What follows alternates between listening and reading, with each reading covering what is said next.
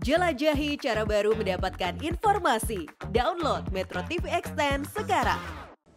Inilah headline news pukul 9 waktu Indonesia Barat. Pemirsa, usai menjalani sidang tuntutan pada pekan lalu, dua terdakwa kasus penganiayaan berat Mario Dandi Satrio dan Shane Lucas akan membacakan nota pembelaan atau pleidoy hari ini.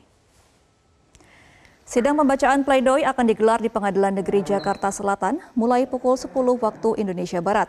Mario dan Shane dijadwalkan akan membacakan sendiri nota pembelaannya di depan majelis hakim.